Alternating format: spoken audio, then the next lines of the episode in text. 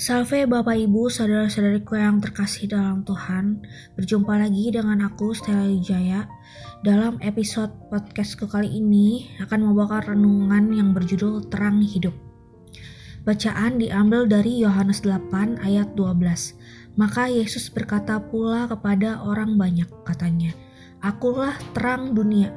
Barang siapa mengikut aku, ia tidak akan berjalan dalam kegelapan, melainkan ia akan mempunyai terang hidup. Selamat mendengarkan. 8 Februari 2020 adalah sesi keempat yang aku ikuti dari acara sakramentologi di Samadi, Klender, Jakarta Timur.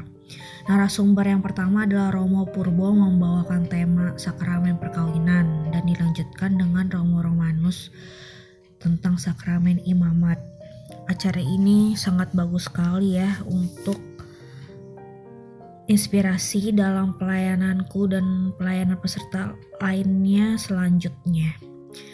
Romo Purbo telah mempunyai pengalaman banyak sekali dalam membimbing pasutri yang bertanya tentang masalah perkawinan.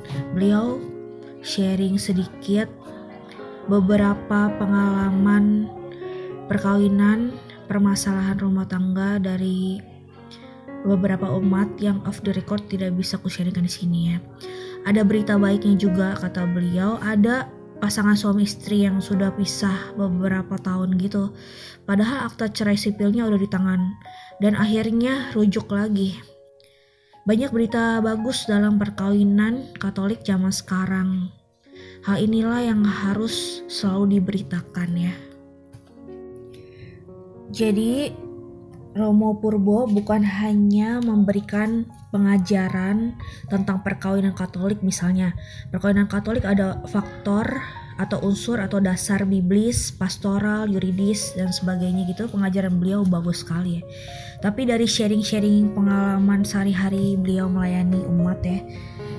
Aku terkesan dengan sharing Romo Purbo ada pernikahan gitu istrinya begitu mengetahui suaminya sakit dengan serius dan tekun merawat suaminya itu. Padahal baru menikah belum berapa lama menikah gitu ya. Nah udah sharing gitu banyak sekali pengalaman pelayanan itu yang bagus-bagus ya. Dan Tuhan Yesus di dalam diriku itu seketika itu juga merasa begitu sedih sampai nangis. Aku tuh nangis mau nangis sesegukan juga aku malu juga ya maksudnya jaim jadi image juga kan. Tapi air mataku itu benar-benar menetes gak bisa dihentikan gitu. Sampai nyeseknya itu dilak-lakan langit-langit kerongkongan gitu. Aku mau bilang ngomong gimana Tuhan Yesus jangan sedih ya gitu. Apa yang nggak bisa ngomong kayak gitu saking speechlessnya gitu. Jadi aku menarik kesimpulan bahwa sakramen perkawinan itu setelah kau pelajari lagi lebih jauh di kuliah juga ya. Itu seperti Tuhan yang mengasihi gerejanya. Ibaratnya Tuhan sebagai mempelai pria mengasihi gereja yang adalah mempelai perempuan. Jadi kasih antar suami ke istri itu seperti Tuhan yang mengasihi gerejanya ya.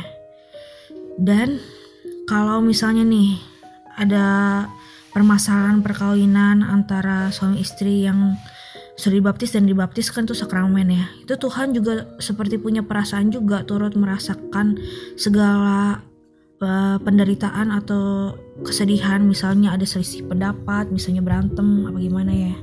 Bukan hanya sukacita damai sejahtera kesenangan saja yang Tuhan bisa turut merasakan tapi ia begitu menyertai kita dalam masa-masa sulit kita sebenarnya ya gitu. Jadi kalau misalnya ada berita bagus perkawinan yang rujuk kembali pasti Tuhan juga senang sekali karena Tuhan yang menyatukan juga ya.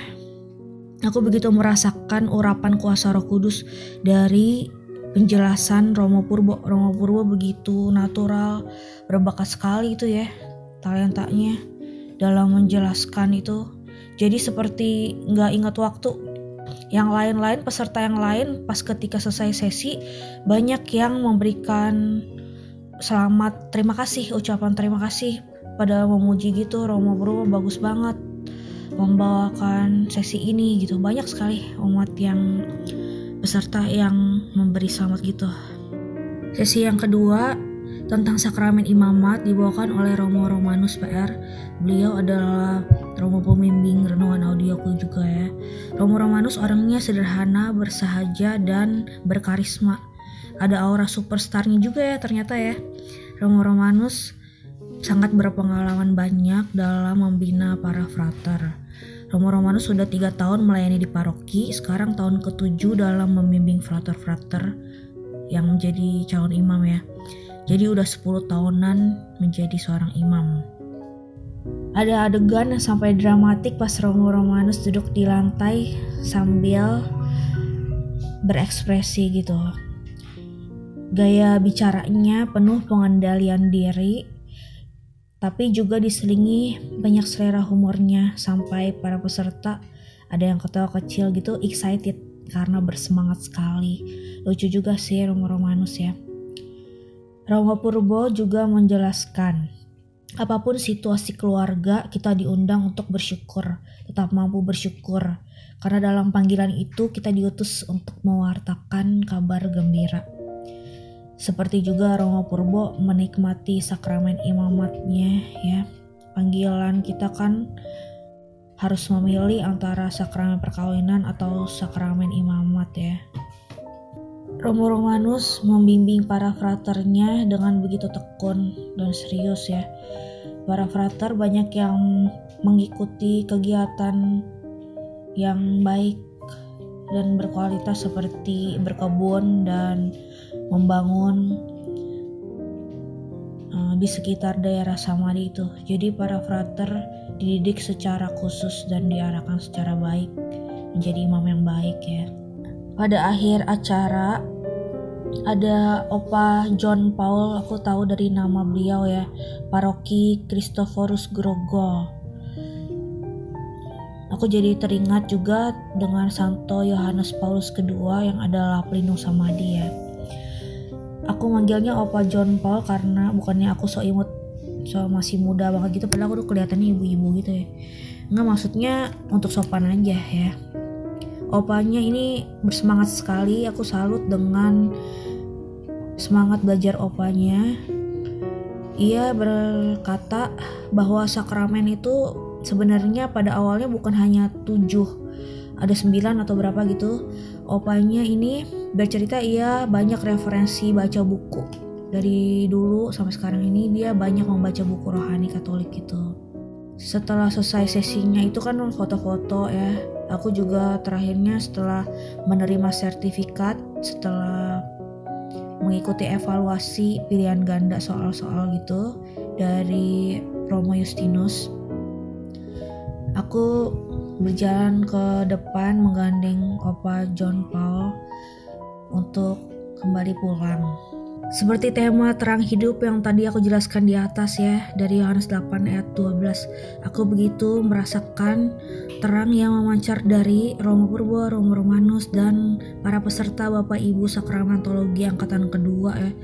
Semoga terang dari Tuhan dan urapan kuasa Tuhan itu terus memancar dalam hati kita menjadi kebaikan bagi sesama kita. Amin.